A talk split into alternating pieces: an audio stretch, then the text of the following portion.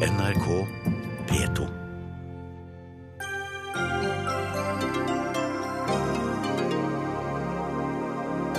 SV mener menneskerettighetene taper for næringsinteresser hvis ikke regjeringen møter den tidligere fredsprisvinneren Dalai Lama. Kritikken er fordummende, svarer Kina-ekspert. Er Sylvi Listhaugs landbrukspolitikk brød eller sirkus?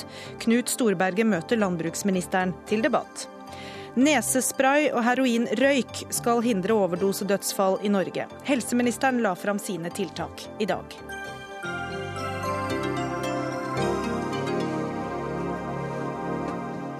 Vi diskuterer også det godt brukte uttrykket 'i forhold til' i Dagsnytt 18 i dag. I forhold til personer og miljøer, i forhold til de rød-grønne, i forhold til finansieringskildene. I forhold til finansieringskilder jeg heter Gry Blekastad Almås, og først skal vi til Stortinget, der utenriksminister Børge Brende i dag måtte stå skolerett i spørretimen og ta imot kraftig kritikk mot at regjeringen kvier seg for å møte Dalai Lama når han kommer til Oslo 7. mai. Brende kunne ikke komme i kveld, men det kunne du, statssekretær Bård Glad Pedersen. Og kritikerne i Stortinget fikk vel ikke egentlig svar på om representanter fra regjeringen kommer til å møte Dalai Lama eller ikke. Kan du eh, svare oss på det nå? Regjeringa har ikke tatt stilling til det. og Det utenriksministeren redegjør for i Stortinget, er at dette er et krevende spørsmål. Eh, som gjør, Man må gjøre mange avveininger, og det er et dilemma. og Det skyldes at det henger også sammen med Norges forhold til Kina. Vi er jo i en unikt vanskelig situasjon fordi at Norge og Kina ikke har hatt politisk kontakt på nesten eh, fire år.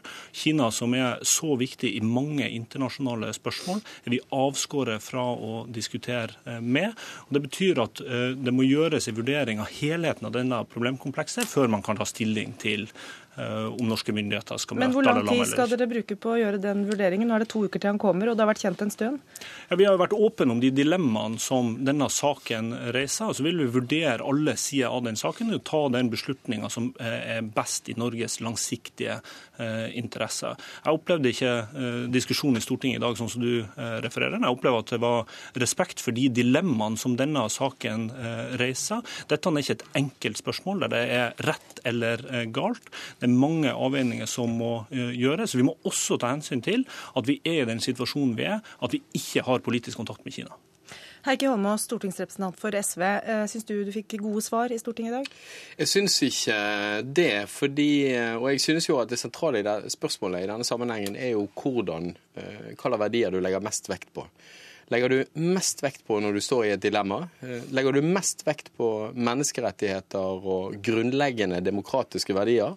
Eller legger du mest vekt på norske næringsinteresser? Og for meg er det svaret veldig enkelt. og Det som er litt fascinerende, er jo at hvis du ser hva Høyre-folk tidligere har sagt om dette, så har jo bl.a. Erna Solberg i sin bok 'Mennesker er ikke milliarder' sagt veldig tydelig menneskerettighetene har en lei tendens til å tape for næringsinteressene.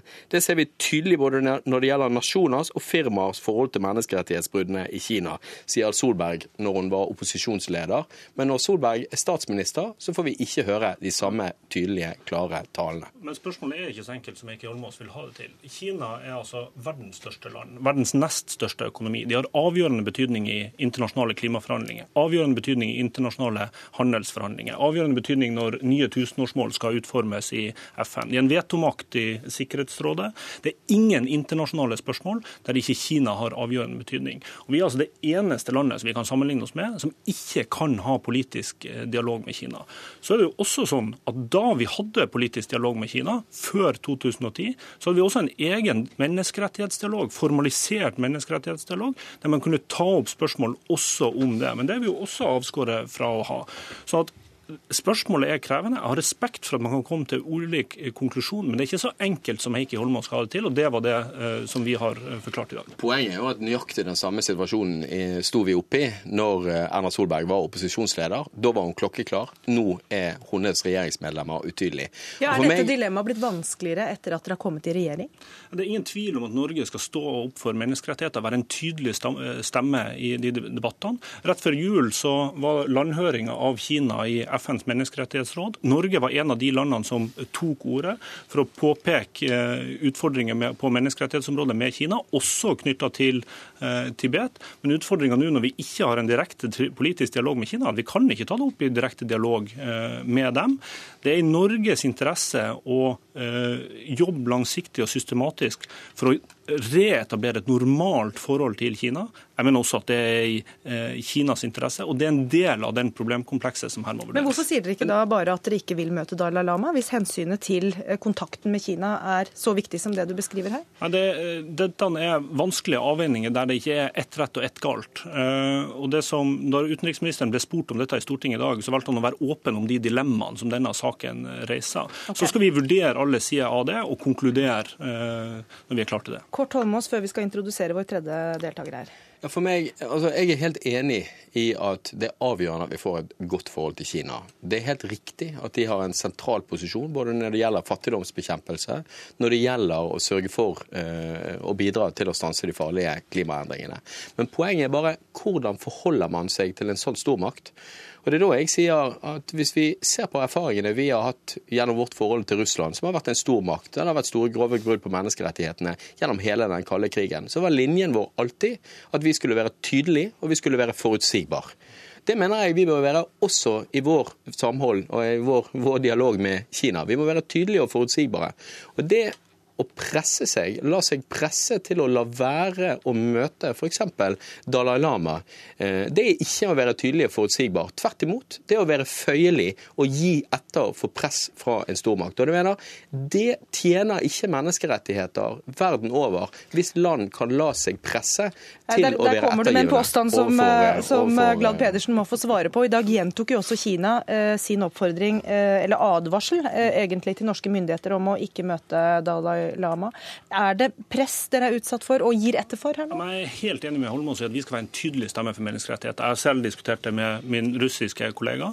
Men med eh, kinesiske myndigheter har vi jo ikke mulighet til å være den tydelige stemmen, fordi vi er ikke i politisk dialog med dem. Okay. Vi brukte det, jeg bare si en ting. Vi brukte den muligheten vi hadde i FNs eh, menneskerettighetsråd. Og så eh, er det jo sånn at også andre land har møtt utfordringer i sitt forhold til Kina etter møter med Dalai Lama. Vi er i en unikt vanskelig situasjon, fordi at vi som eneste land som vi kan sammenligne oss med, er helt uten politisk kontakt med Kina. Nå har jeg lyst til å høre hva Henning Christoffersen, som altså er seniorrådgiver i DNV GL, som er det tidligere norske Veritas, eh, har å si. Eh, du har jobbet mye med spørsmål som gjelder handelsforholdet mellom Norge og Kina. Og du sier at Beijing har styrt norsk utenrikspolitikk i nesten fire år. Det må du få forklare?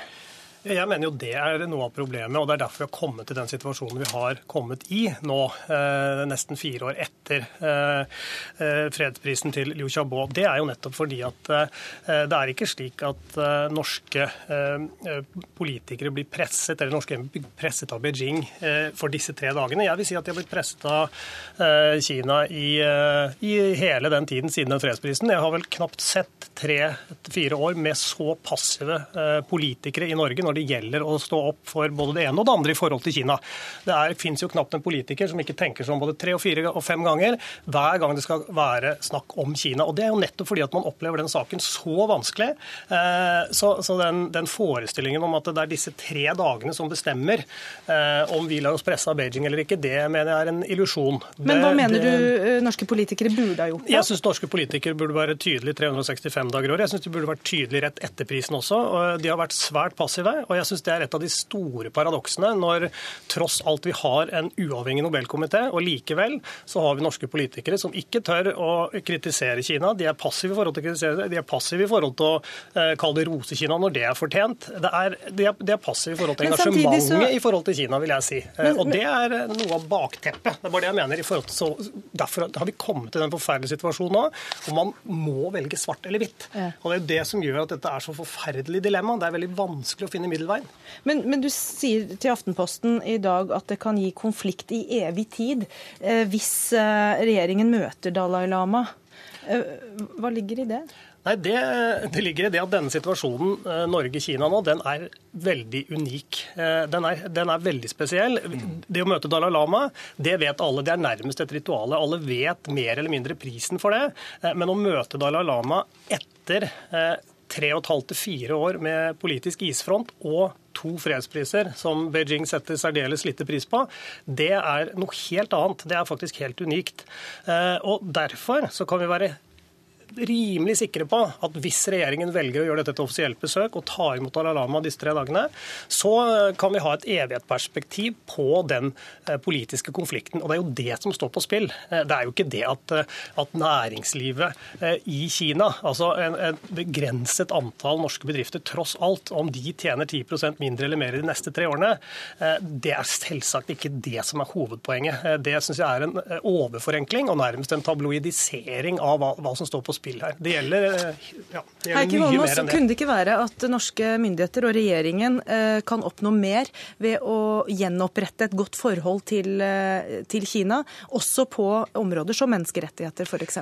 Absolutt, men jeg tror ikke at veien til å gjenopprette et godt forhold til Kina gjennom begynne, blir gjennom å begynne å endre vår politikk. Du må huske at Utenriksdepartementet og ledelsen i Utenriksdepartementet vi møter diktatorer fra hele verden, fordi vår linje er å ha dialog. Men hvis det er sånn at vi kan vår, da, så mener du norske myndigheter, norske myndigheter. ikke SVs Nei, nei, norske myndigheter. Vi møter diktatorer over hele verden fordi vi er opptatt av å ha dialog, og vi tror at det er bedre å ha dialog enn å ikke ha dialog. Men hvis vi ender opp i en situasjon der vi kan møte diktatorer, men ikke møte menneskerettighetsforkjempere, ikke møte Nobels fredsprisvinnere, da setter vi oss sjøl i en veldig uheldig posisjon. Og Det er derfor jeg mener løsningen må bli å fortsette sånn som vi har gjort i forhold til å møte Dalai Lama. Det bør vi gjøre på det nivået som er passende og jeg mener at det kan være både representanter for regjering, det bør være folk fra presidentskapet i Stortinget. Og så må vi selvfølgelig gjøre det vi kan for å ha en innsats overfor Kina for å opprette kontakt. Og vi og, gjør jo det. Altså, vi har, vi har, la oss si det sånn, men bare for å si én ting. Ja, det må vi, være kjapt. vi har bistandssamarbeid på klimasamarbeid med, med, med, Kina. Vi har det andre steder også. og Sånn må vi fortsette å gjøre. Vi må så, ha den gode kontakten. Vi får høre da med statssekretær i Utenriksdepartementet Bård Glad Pedersen hvorfor denne saken er så viktig at man endrer norsk utenrikspolitikk? Det gjør vi ikke. Vi skal være en tydelig stemme når det gjelder menneskerettigheter, også eh, når det gjelder eh, Kina. Vi er det i FNs menneskerettighetsråd, men vi har ikke noen mulighet til å være det direkte overfor Kina, for vi har ikke noen politisk dialog med dem. Når kan vi få et svar på om noen fra regjeringen møter Dalai Lama eller ikke? Nei, Det vil vi ta stilling til. og jeg har lyst til å si at altså, i, Fra 2010 og hele den perioden Heikki Holmås var eh, statsråd, så hadde man ingen politisk eh, dialog eh, med dem. Det er ikke i vår interesse. Kina er en av de viktigste eh, aktørene internasjonalt. Det har vi, vi hørt, og der må vi rett og slett avslutte denne debatten. Tusen takk for at dere kom alle tre. Henning Christoffersen, Heikki Holmås og Bård Glad Pedersen. Dagsnytt 18 alle hverdager klokka 18. På NRK P2 og NRK2.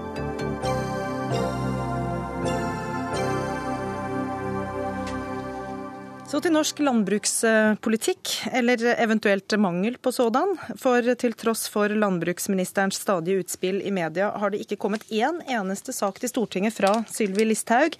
Og det har gitt oss mer sirkus enn brød, skriver du i en kronikk, Knut Storberget. Du er landbrukspolitisk talsmann for Arbeiderpartiet. Hvorfor beskriver du din sidekvinne her som en sirkusartist?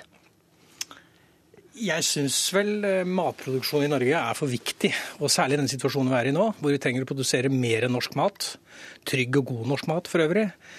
Så er den for viktig til at vi bare gjør det til en debatt om eh, ganske så diametralt motsatt ideologiske syn og gjør dette til en ideologisk slagmark, istedenfor å få til den nødvendige veksten som, som, jeg tror både landbruksministeren og jeg er enig må til for at vi skal øke sjølbergingsgraden i Norge. Men hva er det som har gjort hennes utspill til et sirkus? Nei, jeg syns jo i stor grad at det kommer utspill den ene dagen, eh, og som både eh, alliansepartnerne i Stortinget og eh, også den jevne opposisjon sier nei til. Og så blir det på en måte ikke noe mer ut av det. og Det har jo resultert i at vi ikke bruker tiden i Stortinget på å diskutere konstruktive landbrukspolitiske tiltak. Og Det er det jeg syns vi skal gjøre. fordi at eh, jeg tror enhver som befatter seg med det temaet, enten det er jord eller skog, ser behovet for å slå ring rundt noen viktige bærebjelker, samtidig som vi skaper forutsigbarhet for de som driver næringa og at vi også bidrar til fornying og forenkling. og Det er jo der Arbeiderpartiet ønsker å bidra. Vi skal komme litt til de eh, konkrete tiltakene etter hvert. Men eh, Sylvi Listhaug, landbruksminister, eh, hvorfor har du ikke kommet med en eneste sak til Stortinget for behandling da? Etter seks måneder i regjering? Nei, Jeg har gjort mange ting. Bl.a. forbereder jeg jordbruksoppgjøret. Og det er jo sånn at det er over 80 av budsjettet på Landbruksdepartementet sitt område, det er det jordbruksavtalen som, eh, som utgjør. Slik at den er ekstremt viktig eh, i mitt departement. Men i tillegg til det så har jeg jo allerede gitt grønt lys for jordbærplanteimport, som vil bety at norske forbrukere neste år vil få mye mer norske jordbær. Og de som driver med jordbærproduksjon, kan øke inntektene, og flere kan leve av det på heltid. Det syns jeg er veldig bra.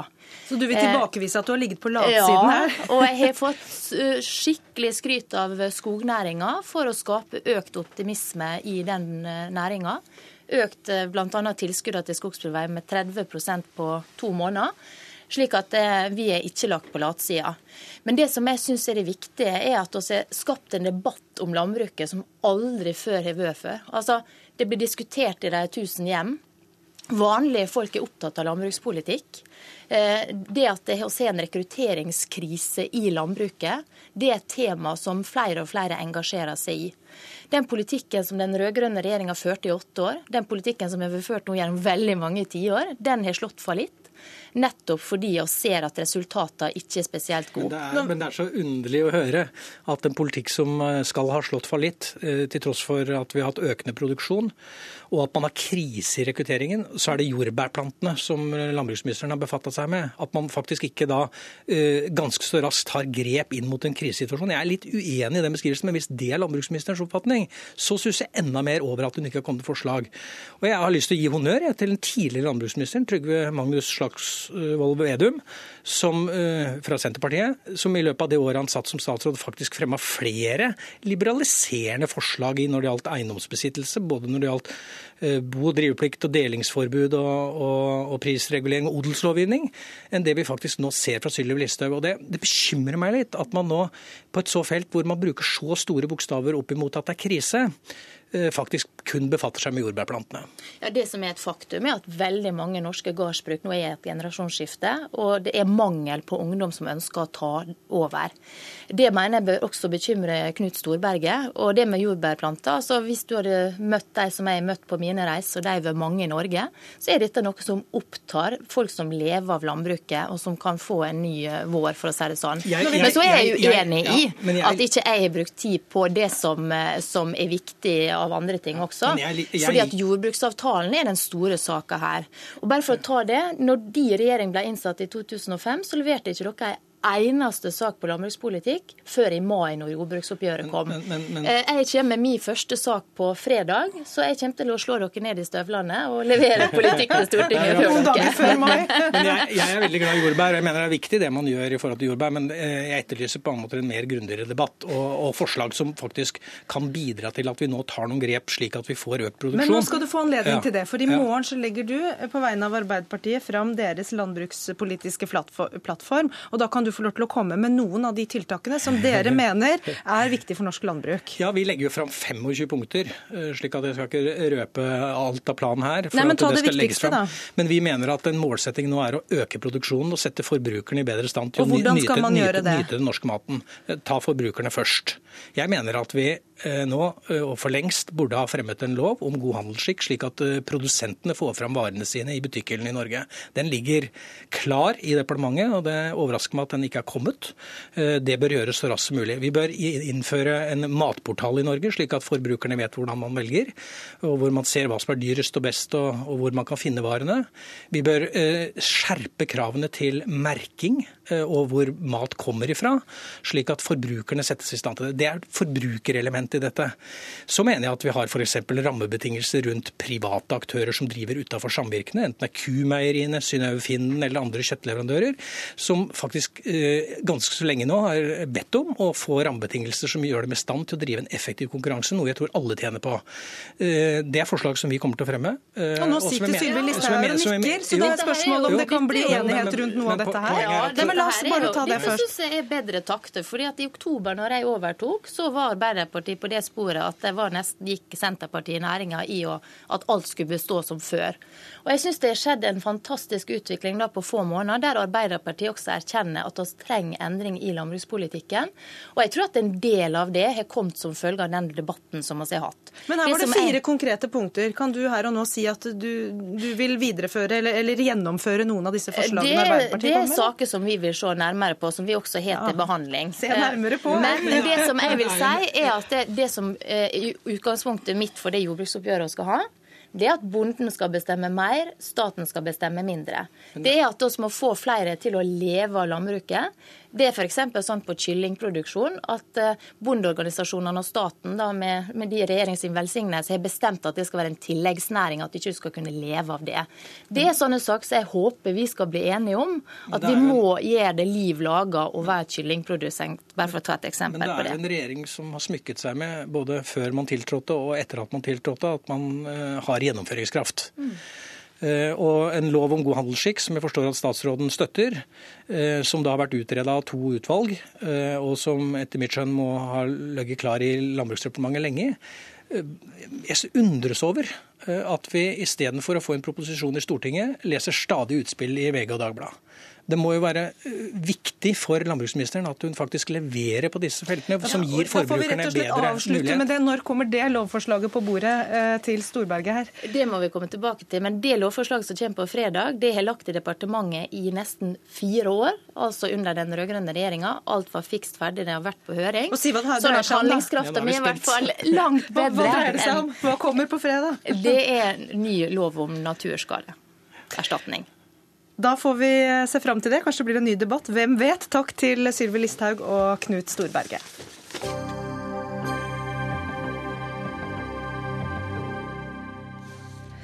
Bergen har hatt sin herremiddag i årevis. En middag for spesielt inviterte menn, med finansmann og vert Torstein Selvik i spissen. Og For noen år siden kom Kvinnenes svar, en damemiddag for damer, også arrangert av Selvik.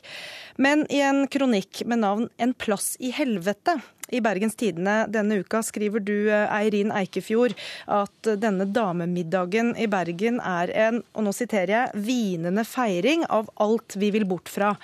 Hva er galt med damemiddagen i Bergen? Altså det som er slående med å være til stede der, er at alle på scenen måtte uttrykke hvor fantastiske vi så ut, hvor vakre vi var, hvor mye vakrere vi var blitt de siste ti årene. Og Samtidig som man brukte veldig mye tid på å dele ut eh, spa-produkter, goodiebags og annen dildal. Og Det mener jeg at reduserer hele kvinnefellesskapet til noe fjollete og ufarlig. Og undergraver egentlig hele kvinnemøtet som en vesentlig og viktig arena.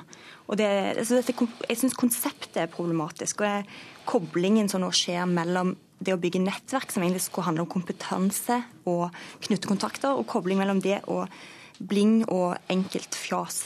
Du uh, kalte denne kronikken 'En plass i helvete'. Hva mener du med en sånn tittel?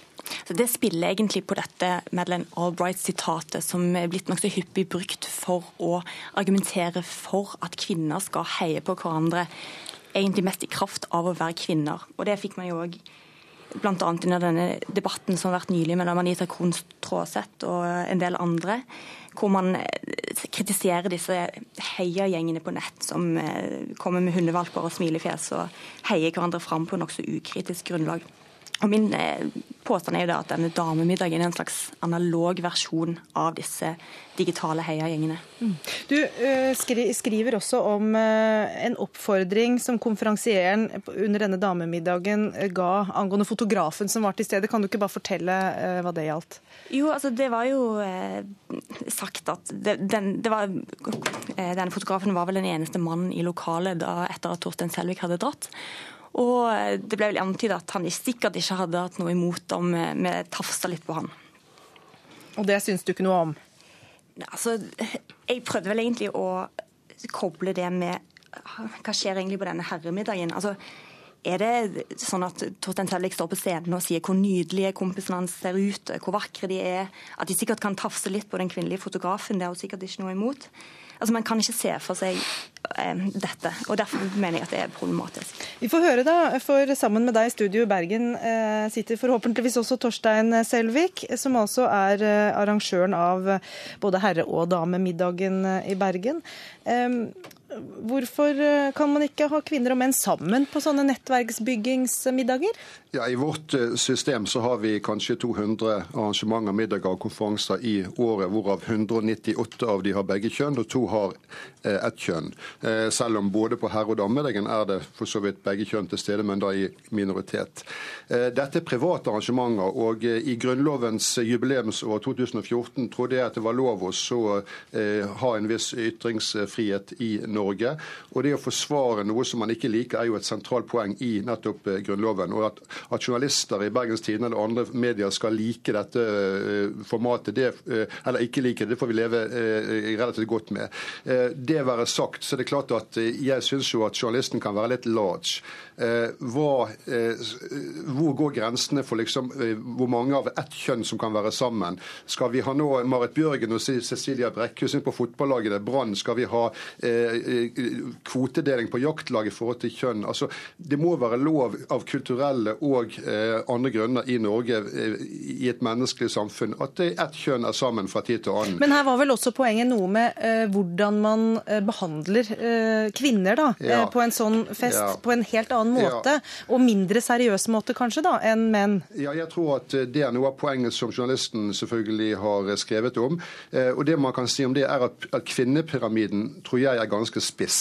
Det er en del kvinner som ligger veldig høyt oppe i vårt samfunn i en spiss pyramide. De klarer seg bra. Og det var dette som f.eks. Margaret Thatcher ble kritisert for, at hun trakk opp stigen og hjalp ikke andre kvinner nok. Eh, det er utrolig mange kvinner i Norge som eh, fortjener å bli sett, som ikke alltid blir sett. og Når de kommer sammen, 300 stykker av forskjellige yrkesbakgrunn og forskjellige eh, ting, så må det være viss, et visst felles minimum, eh, minste felles minimum. Det, er det utseendet hos spa-produkter? Nei, nei, nei. Og du kan si at eh, hvis du har en herremiddag eller en blandet middag altså Folk liker gaver fra sponsorer sponsorer. Folk liker, Menn liker jaktkniver, menn liker eh, lommelykter, kvinner liker kanskje noe annet. Altså Det har lite med kjønn å gjøre. Det har kanskje mer med sosiologi og utdanning og bakgrunn å gjøre. Det er utrolig mange jenter altså Kjønn blir ofte overvurdert som diskriminant. Ja, men Fikk herrene også utdelt goodiebager ja, med spa-produkter i, eller? Nei, ja, det er også faktisk, tror jeg. Men altså, det er eh, et langt mindre interessant eh, eh prosjekt å sponsorere en herremiddag enn en damemiddag. Damemiddagen har en enorm goodwill i næringslivet. Folk ønsker å hjelpe kvinner frem. Det gjøres en fantastisk jobb også fra, også fra sponsorene. Eirin Eikefjord, er det ikke greit å behandle kvinner og menn litt forskjellig også? Vi er jo tross alt litt forskjellige? Jo, altså Hvis dette hadde vært en rent sosial hendelse, så selvfølgelig man kan altså med Grunnloven i hånd eller hva man vil, selvfølgelig gjøre det. Men dette handler jo, altså dette er markedsført som nettverksbygging for det 21. århundre. Altså Man skulle jo få tro at det var en moderne form for nettverksbygging da, som skulle handle om nettopp makt og kontakt, eh, knytte kontakter og, og der kompetanse møtes. Og Da syns jeg det er veldig uheldig å redusere dette samværet til noe så fjollete og ufarlig. Jo, men jeg tror altså, unnskyld det, men jeg tror ikke det har noe med kjønn å gjøre nødvendigvis. At det har noe med plassering i samfunnet. Det at du har 300 mennesker av forskjellig bakgrunn, gjør at noen liker det ene, noen liker det andre.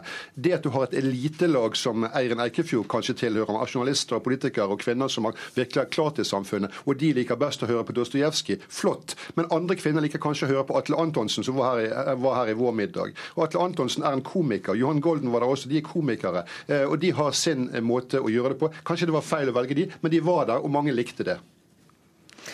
Eirine, er det ikke sånn at også blant de kvinnene som var til stede på denne middagen, så er det noen som sikkert koste seg og ikke nødvendigvis eh, følte seg dårlig behandla, eller, eller eh, forskjellsbehandla? Jo, det tror jeg. Og jeg tror noen kanskje reagerte på konseptet. Og det som er interessant, syns jeg, er at de de kvinnene som jeg snakket med på denne middagen, det var jo smarte, oppegående, interessante kvinner som da ble redusert noen sånn gisler av et veldig slitsomt og reduserende konsept. Og det er det jeg reagerer på. At denne kollektive kvinnegruppen her ble nærmest sånn enkle fjols, mens de én og én var oppegående og smarte kvinner. Mm. Eh, og så tror jeg, ja. Jo, altså en ting, Før du stiller spørsmål, en ting, la meg bare kommentere kort replikk. altså Én ting er å kommentere selve det, det logistikkmessige eller strukturelle ved dette ene arrangementet 10.4 i Bergen. Man kan like eller, eller mislike hvordan det ble gjennomført, f.eks. av komikerne Golden og Antonsen. En annen ting er den prinsipielle debatten om man er for eller imot at ett kjønn skal kunne samles. Hvor går da grensene? Er det 4, 10, 20, 30, 200? Altså Hvor går grensene for hvor mange som er lov til å være av samme kjønn i ett rom? Er vi i Øst-Tyskland eller er vi i Norge? Men Selvik, vi er nødt til å avslutte. Jeg vil bare helt uh, til slutt da spørre deg om disse middagene er kommet for å bli, uh, eller om det blir uh, en blanda middag neste år? Jeg tror at, altså Vi har jo altså 198 blandede arrangementer og to som ikke er blandet. og Jeg tror at i, i godt norsk bondevett og folkeskikksstil så vil ikke arrangementskomité eller gjester la seg diktere av media på hvilke medier de skal gå på. det. Så jeg tror dette kommer for å bli. Takk skal du ha, Torstein Selvik, som er eh, finansmann og nettverksbygger altså i Bergen, og Eirin Eikefjord, som er kommentator i Bergenstidene.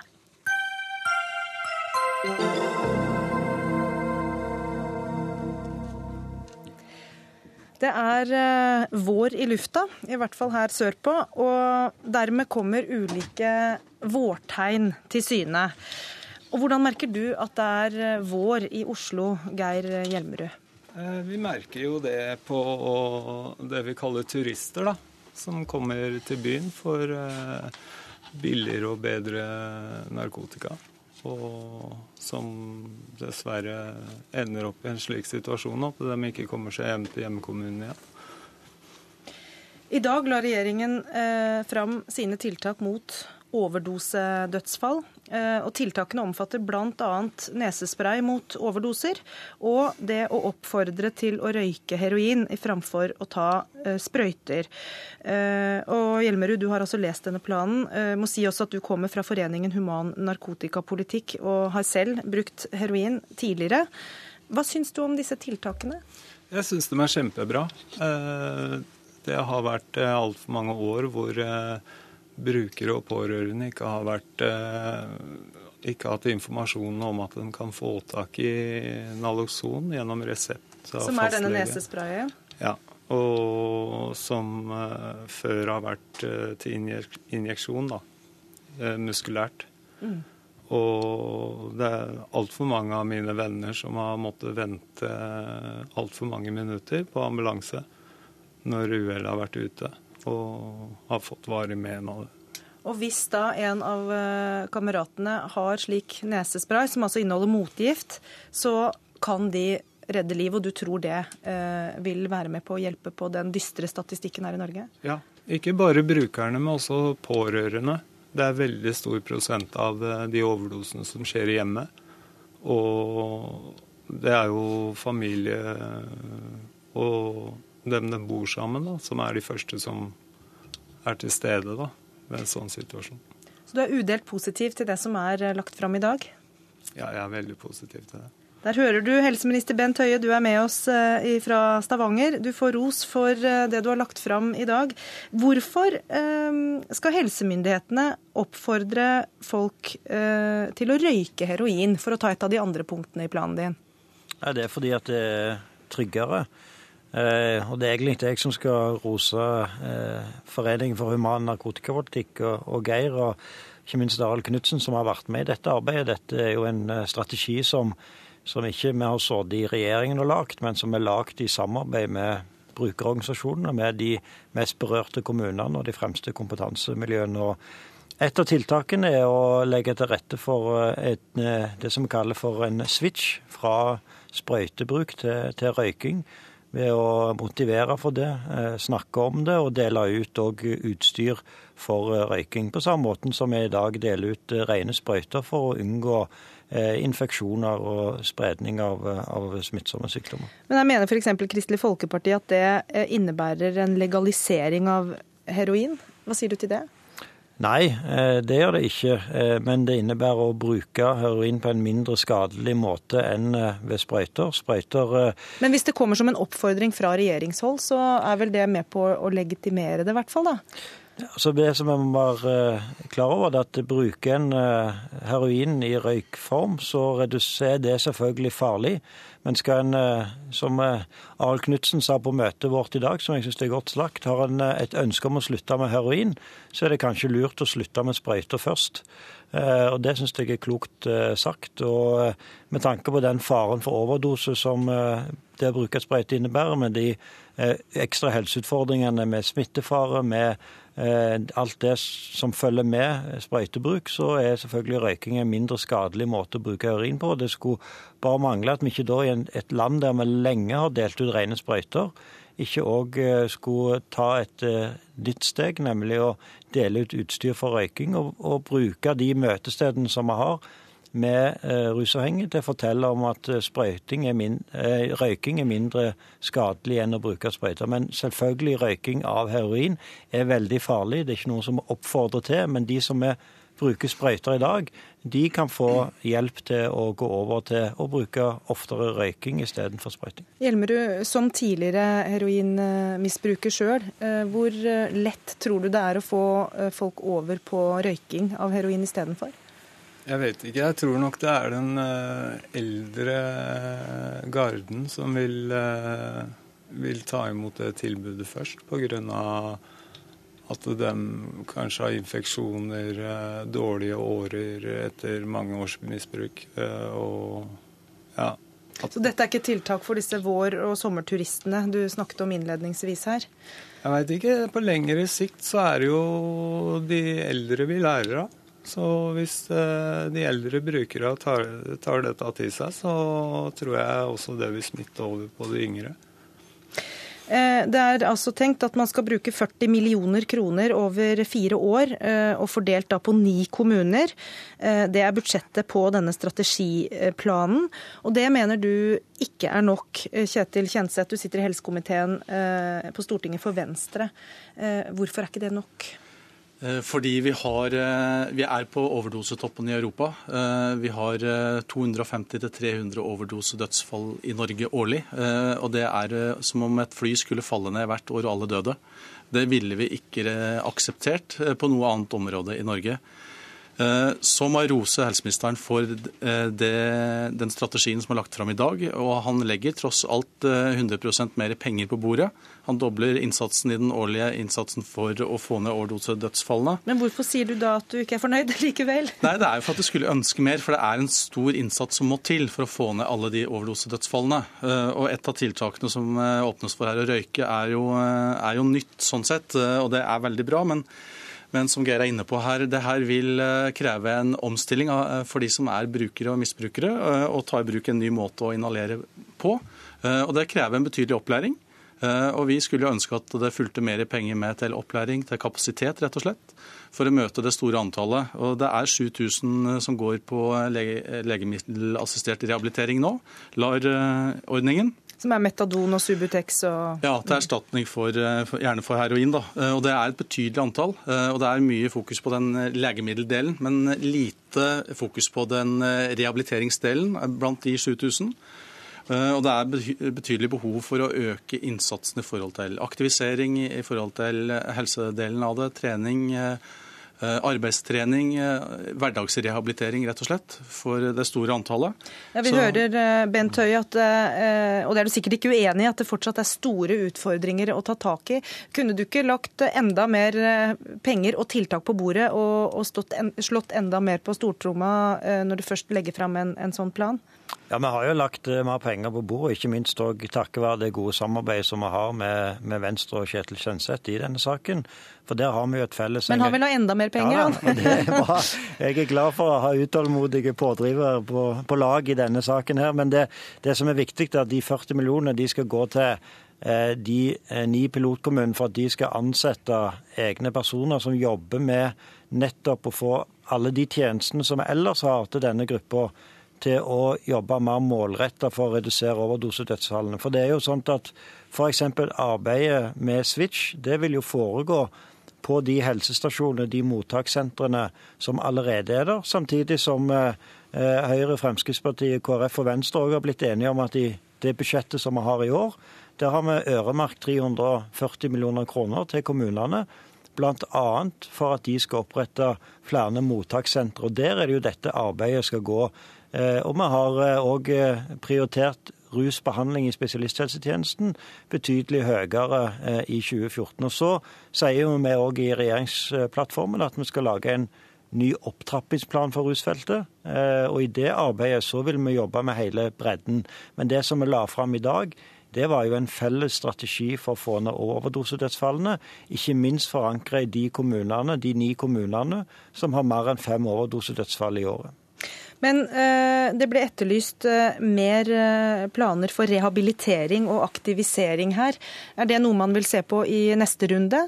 Ja, det er et av de viktigste områdene å jobbe med i opptrappingsplanen for rusfeltet. Fordi det er helt riktig at mange som, både av de som er aktive i en russituasjon, mange av de som er i LAR, men òg mange av de som kommer ut av fengsel eller ut av en behandlingsinstitusjon, opplever at eh, veien tilbake igjen til rus er altfor kort fordi en ikke har et arbeid å gå til, en aktivitet å gå til. Fordi oppfølgingen er for dårlig? Fordi oppfølgingen er for dårlig. og Det er, vil være et av de hovedområdene som vi er nødt til å jobbe med i en opptrappingsplan. Mm. Ja, Så da blir det mer penger på bordet og flere tiltak som kommer, da? Altså det, Denne regjeringen har jo sammen med, eh, nei, sammen med Venstre og Kristelig Folkeparti sagt at eh, rus og psykisk helse er en av våre hovedprioriteringer. og Det kommer selvfølgelig til å gjenspeile seg i de eh, budsjettene som vi skal samarbeide med Kristelig Folkeparti og Venstre om i årene framover. Stoler du på det, Kjetil Kjenseth? Ja, jeg synes Bent Høie viser en vilje og en framdrift her. Eh, så jeg ser positivt på det. Men det, som jeg sa, det er betydelige midler eh, og kapasitet som skal på, skal på plass for at vi skal løse denne store samfunnsutfordringen. Mm. Geir Hjelmerud, til slutt. Eh, tror du at eh, tiltakene som er lagt fram i dag kan være med på å, å redusere den eh, overdosetoppen som, som, Norge har i dag? Ja, den vil nok gjøre det. Men jeg vil jo oppfordre dem som ikke får tak i denne nesesprayen, til å oppsøke fastlege og få en resept på Naloxon så de har det. At uh, ikke bare visse skal få det, men alle skal ha muligheten til å ha dette i hus og ha det på sin person. For den kan redde liv? Den, den redder liv. Mm. Og den kan ikke gjøre noen skade heller. Takk til Geir Hjelmerud og til Kjetil Kjenseth fra Venstre og til helseminister Bent Høie. Hør Dagsnytt 18 når du vil. Radio NRK Radio.nrk.no.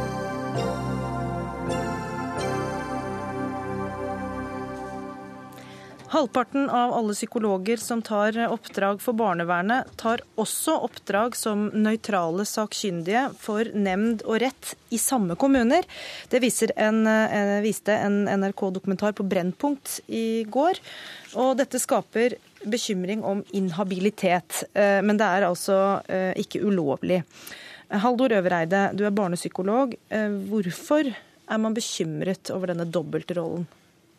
Nei, Det er jo i seg selv eh, et tillitsproblem for de som, eh, som utsettes for utredning. og eh, det gjelder både for barn og for, for de biologiske foreldre eller andre som, som, må inn i en sånn prosess. Og, for Vi snakker om barn som da gjerne blir fratatt eller vurderes fratatt fra foreldrene? I forhold til, til omsorgsovertakelse, ja. Og dette er jo så alvorlig inngrep i et menneskes liv at uh, vi må være helt sikre på at, uh, at ryddighet og habilitet på alle ledd i den utredningen som, uh, som foregår, og, eller som må foregå.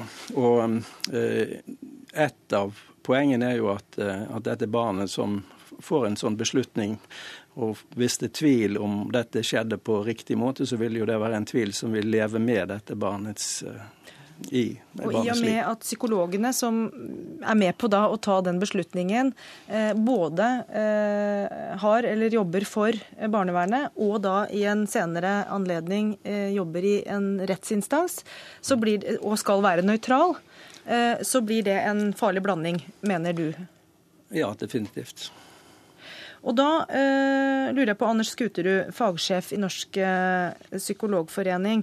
Um, hvilke habilitetsproblemer eh, mener du og dere kan oppstå for disse psykologene som har dobbeltroller? Altså, nå vil jeg bare si at Det er ikke slik at de på samme tid skal ha oppdraget for det kommunale barnevernet og ha saker for eh, nemnda. Eh, sånn at det, er ikke, det, er, det, skal ikke være samtidighet i det. Men det er annenhver gang om man er betalt det, av en kommune ja, som ja, osv. Ja. ja. Så, så vi var skeptiske. Dette er en høringsuttalelse tilbake til 2006, og, og, det er en stund siden det. Det ble også vurdert i den høringsuttalelsen litt eh, frem og imot. Og vi konkluderte med at dette ikke var nødvendig fordi nemnda, altså barnevernsnemnda eller fylkesnemnda, ville sikre dette. Så hørte vi på Brennpunkt i går at så ikke var tilfellet. Det ble ikke godt nok ivaretatt. Og det gjør jo og jeg tror det er riktig å si at det er tre grunner til det. Det ene er rett og slett at vi er mer i en åpenhetskultur nå enn vi var for åtte år siden. Ja, for det, bare, bare, bare, for å rydde opp for lytterne mm. og seerne våre også. Det du refererer til er en uh, utredning og et forslag egentlig om at man skal være åpen om uh, hvilke uh, ja. oppdrag man tar. Ja, som kom, som du, som du bl.a. sto for. Som jeg leder, og, og som Psykologforeningen da gikk imot. Uh, og som dere nå har snudd i, hvis jeg forstår det riktig? Altså, vi har ikke gjort noe nytt vedtak, men, men, hvis det hadde kommet et nytt forslag fra departementet altså Det er jo departementet som lager reglene for slikt. Hadde det kommet, så hadde ikke vi gått imot i dag. Men ønsker og, dere mer åpenhet rundt disse Ja, jeg tror det er helt nødvendig. Spesielt når det blir sagt, satt lys på det slik som det ble gjort nå. For da skaper man jo en mistillitssituasjon. Og det er noe av det helt uheldige i disse sakene. Ja, er det, er det det nye søkelyset på dette som skaper mistilliten, eller er det den faktiske rolleblandingen? her? Altså Hvor stor rolleblanding det er, kan en diskutere. Men slik vi sa det i høringsuttalelsen den gang, så forventet vi at fylkesnemnda ville sikre at dette var ivaretatt. Eh, og så fikk vi greie på at det er ikke ivaretatt, og det blir et sterkere argument. Det var to tilleggsargumenter vi hadde for åtte år siden. Det ene var rett og slett at det var en god del arbeid som måtte gjøres. Det er jo et veldig dårlig argument, men det er dog et argument. Eh, det argumentet er også mindre gyldig i dag, for nå kan en i et dataprogram lage dette enkelt og greit. Mm. Det andre poenget vi hadde, det var at Innimellom så blir det utrolig mye fokus på den sakkyndige i disse sakene. Mye mer enn på den sakkyndige rapport og på saken. Og vi mente at dette kunne bidra til ytterligere fokus da nettopp på den sakkyndige. Men vi vil nok se annerledes på det i dag. Og du Øvreide mener jo at eh, en økt åpenhet rundt hvilke oppdrag psykologene tar, eh, på alle måter er til barnets beste? Eh, ja, selvfølgelig er det det. Jeg kan ikke se noe betenkeligheter. Men, men, problematikken er videre, og jeg prøvde å få det frem eh, på mitt, eh, min kommentar til det Brennpunkt-programmet i går, at det er en videre problematikk her enn bare habilitetsproblematikk. Fordi at vi har hatt et, et ekspertutvalg som sier det at noen barn fortjener at man griper inn tidligere for å sikre deres oppvekst. Altså at en får et utviklingsstøttende prinsipp som kommer inn, og som kan oppveie det biologiske prinsippet. Det er ganske solid eh, vi si, kunnskap vi har om de mulighetene som et barn har hvis en får grepet inn tidlig nok. Utvalget, eh, som, eh, som, vel ble ledet av, eh, av Magne Raundalen, de sa A, men de sa ikke B. De sa ikke hvordan skal dette, denne utredningen av disse tidlige inngrepene, hvordan skal, gjøre, skal det gjøres. Og Den ordninga vi har i dag, med enkeltstående sakkyndige som jobber kanskje full tid som sakkyndighet, og som fyller opp sine oppdrag med, med si, for så vidt på legitim vis, men i, eh, kan gli inn i habilitetsproblematikk. Det er ikke tilstrekkelig det er ikke en tilstrekkelig sakkyndighet som ligger i enkeltpsykologer. Så du vil ha flere psykologer som ja, sammen skal ta disse Jeg vil ha en gruppe eller institusjonstilknytning. altså Man må gå, gå dypere inn i hele problematikken hvis en skal ta det utvalget alvorlig. Er det noe Psykologforeningen også vil støtte? I, i høyeste grad. Det er noen spesielle utfordringer det ene er helt på små- og spedbarnsproblematikken. Det andre er i forhold til overgrep, eh, traumer. Og du kan også si en del det som kalles nevrokognitive skader, eller, eller, utviklingshemming. Altså hvor det er vanskelig å gjøre vurderingene, og hvor det bør være mer Delvis bør en sikre bedre spesialkompetanse på områdene, og delvis tror jeg det er veldig riktig som Øvreide sier, at her bør det være miljøer i større grad knyttet til det. Men hvorfor kan man ikke bare skille på hvilke psykologer som gjør den ene oppgaven, altså for barnevernet i kommunene, og de psykologene som er eh, sakkyndige i retten og i nemndene? Ja, hvorfor kan man ikke bare det? altså det må man, men det må man eh, altså, eh, Du kan si at det er en, en virksomhet som må, må ryddes opp opp i, og som må skal vi si, redigeres, slik at folk får brukt sin ekspertise på på sin plass, uh, uten at det dermed blir noe habilitetsproblematikk. Så, uh, er det noen innvendinger mot det, bare for å spørre uh, Psykologforeningen her også, da? Dette, nå, nå er jeg ikke helt sikker på om du tok alle implikasjonene av spørsmålet, for det ene er hvorvidt en er opp, altså at den er representant for den kommunale barnevernsnemnd. Når en er det, så bør en nok ikke sitte i nemnden når den kommunen har altså Selv om dette er noe tilbake. Så der tror jeg det bør være en opprydding. Og det burde ikke være veldig vanskelig å få til. Og jeg tror ikke Psykologforeningen vil motsette seg det. Det skal ikke være bør, det skal ikke. Og nå, nå, hørte vi også eh, barneminister eh, Solveig Horne på Dagsnytt i går kveld si at eh, hun også var interessert i å se nærmere på dette her mm. og, og, ta tak i det. Så her kan det komme til å bli endringer. Ja, og så har jeg lyst til å si én ting, eh, om jeg kan få det til slutt. Og, og det er at på det rettssakkyndige feltet så er det to sakkyndige alltid. På det barnefaglige er det bare én. Og det er en diskriminering av barnefeltet. Det er mye å rydde opp i. Og her er dere helt enige til slutt. Anders Skuterud, som er fagsjef i Norsk psykologforening, og barnepsykolog Haldor Øvreide.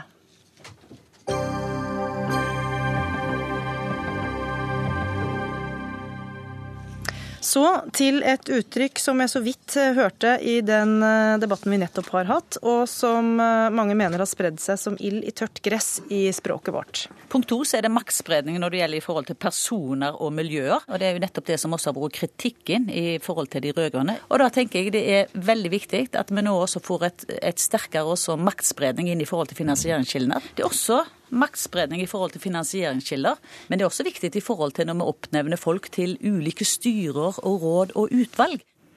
Ja, her var det kulturminister Toril Vidvei som uh, fikk uh, gjennomgå litt i vår eksemplifisering her, men det kunne vært veldig mange andre. For uttrykket 'i forhold til' eh, brukes mye av mange, og ikke alltid helt riktig heller. Jan Olav Fretland, du er språkforsker ved Høgskolen i Sogn og Fjordane, også tidlig leder av Språkrådet. Hvilke problemer mener du dette uttrykket skaper? Vi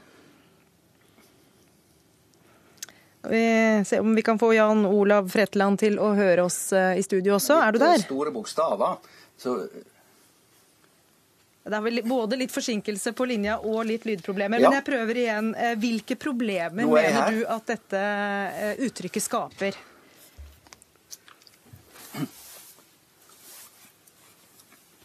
Hører du meg, Jan Olav Fretland?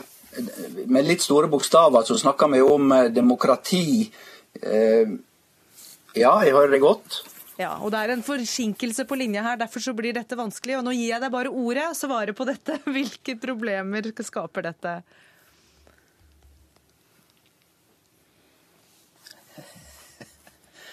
Jeg får takke for det. Demokrati er et stikkord. Eh, og Dette her er en tendens som vi ser i hele det vestlige Eh, vestlige demokrati. Altså at en reagerer på at folk, eh, at politikere, ledere, begynner å pakke inn språket mer og mer. At det blir sånn der innpakkingsspråk, tåkespråk, amøbespråk. Og i forhold til Jeg vil kanskje da et, lite eksempel på akkurat det. Nemlig at det blir ikke det blir ikke presist nok.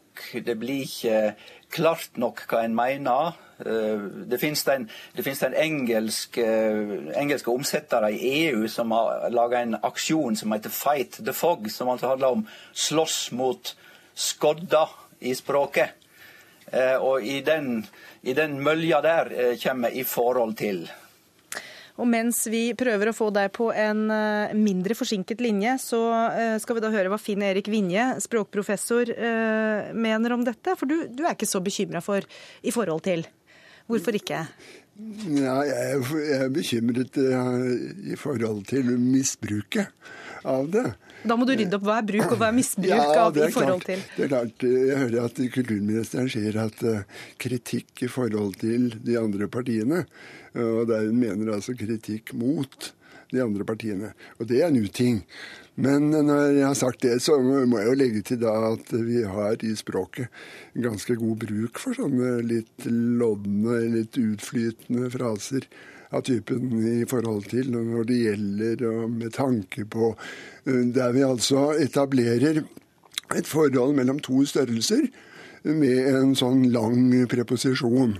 Og det kan være i mange situasjoner, språksituasjoner, at vi ikke ønsker å være helt presise på millimeteren, men vi ønsker bare å antyde et forhold. Og det er legitimt. Eh, så eh, jeg vil gjerne legge inn det altså mot eh, denne som kan være en hets mot et bestemt uttrykk. Men hvis, hvis det tåkelegger og pakker inn, og, og, at det står i veien for kommunikasjonen, er det da riktig bruk, nei, nei, eller er det misbruk av nei, uttrykket? Det er klart, Når du uttrykker deg sånn, så er det misbruk. Det er vi helt enige om. Men det viser seg jo at uh, dette i forhold til Det har jo ikke gått så mye fram som man tror. Nei, og tror, Det var, sto i en artikkel i Aftenposten ja. i dag hvor eh, et par forskere da har gått gjennom eh, klipp på retriever på, på, nettet fra aviser, og viser at det i forhold til ikke går opp sånn som vi tror, men faktisk har gått i ganske betydelig grad ned. Og Jan Olav Fretland, det må jo være godt nytt for, for, for deg og din kamp mot dette her? Ja, Det er godt nytt for så vidt, men statistikk er ikke så veldig Det var jo et, et oppslag i Aftenposten før som beviste det motsatte. Det som jeg har et inntrykk av, det er rett og slett at uh, i sånn munnlig politikersituasjon så har jeg i forhold til gått veldig fram. Jeg, jeg, talde, jeg sitter på fylkestinget i Sogn og Fjordane, og jeg talte altså til 25 unødvendige i forhold til på sju minutter av en fylkesting Nei, teknikken vil ikke, vil ikke dette her i dag, altså. Jan Olav Fretland forsvant på telefonlinja der. Ja, det er ingen dårlig erstatning, vet du. Men... Det, er, eh, det er altså lettgjort å tro, når en først har blitt oppmerksom på et uttrykk, så syns en hører det hver, bak hvert hjørne, altså. Men er det noe man bare tror? Ja, det er mye sånn innbilning, psykologisk mekanisme der. De tror jeg får stadig henvendelser fra folk. Som, kan ikke du få disse NRK-folka fra å si uh, 'altså' før hver setning? Eller 'vel' i slutten av setningen og sånn. Fordi de syns de hører det bestandig. Men naboen har jo ikke hørt det. Så det er et, et subjektivt og psykologisk forhold der, altså. Så mitt spørsmål som jeg hadde tenkt å stille deg om smitteeffekten her, den, den ja, finnes ikke, den altså? Jo, altså det er klart den finnes. Og dere offentlige talere, den sitter som programleder i NRK f.eks., er et forbilde for mange. Og I den forbindelse skal jeg skyte inn en parentes at en programleder i NRK burde si 2014. Lese årstallene på den måten. Og den følte jeg traff meg veldig. 2014, sier jeg. 2014 å skrive. 2014 skriver du akkurat som du sier 1914 og 1814. Så det er det som er korrekt. Det er ikke alltid så lett å vite, da. Nei, det, det kan jo være uenighet også om det. Men jeg mener at de aller sterkeste grunner taler for at du sier 2014. Der fikk vi en av dine. Nå skal vi prøve Jon Olav Fretland en gang til. Har du noen andre uttrykk som du eh, irriterer deg over? Ja, det er, jo, det er jo, mange sånne. Altså, jeg kan si. For, for kommunen sitt vedkommende, i stedet for at jeg mener for kommunen, eller være av den formening at i stedet for å mene i denne føreliggende sak, eller bymessig utvikling i stedet for byutvikling. Men handler... Relativt alvorlig karakter. Jeg kan drive på til morgen med sånne uttrykk. Men handler det ikke også litt om muntlig kommunikasjon, og at man av og til bruker flere ord og, og lengre formuleringer enn man trenger, fordi det også sier noe mer, da? Ja, det er nettopp det. Det kan være et eh, moment i kommunikasjonen at man ikke er så direkte bestandig. Men det er, som Fretland sier her, så er det klart det er veldig lett å finne utvekster. Og det må vi gå imot. Og når det gjelder nynorsken, forresten, så har man jo gått eh, til felts mot forhold, altså selve ordet forhold. Ser man i nynorske fornorskningsordbøker, så vil ikke forfatterne vite av ordet som sådan. Men det er fordi det er fra tysk, dansk tysk. Så det kommer også inn i bildet. Er det der vi finner eh, utgangspunktet for din motstand, Fretland? Du er nynorskbruker. Nei, det er ikke noe bedre å si i høve til enn i forhold til. å jeg tror, jeg tror nok Finn-Erik Vinje er litt grann forelda når det gjelder synet på forhold. Det er helt greit å bruke forhold i, i nynorsk. i. jeg viser er det det, men vi har en serie med fornorskingsordbøker som har spalte opp og spalte ned med erstatninger. Og Ivar Aasen førte det ikke opp i sine store ordbok engang. Der tror jeg vi eh, setter strek ved å oppfordre alle til å tenke seg godt om før de eh, sier i forhold til. Og så er det altså 2014 vi skal bruke som riktig betegnelse, i hvert fall her i eh, NRK. Vi sier tusen takk til Finn Erik Vinje her i studio, og til alle gode forsøk fra Jan Olav Fretland, som var med oss via Skype først, og telefon deretter. Dagsnytt 18 er eh, slutt for i dag. Ansvarlig for sendingen var Ida Tune Øritsland. Teknisk ansvarlig var Marianne Myrhol. Og i studio ønsker Gry Blekastad Almås eh, på gjenhør og på gjensyn i morgen.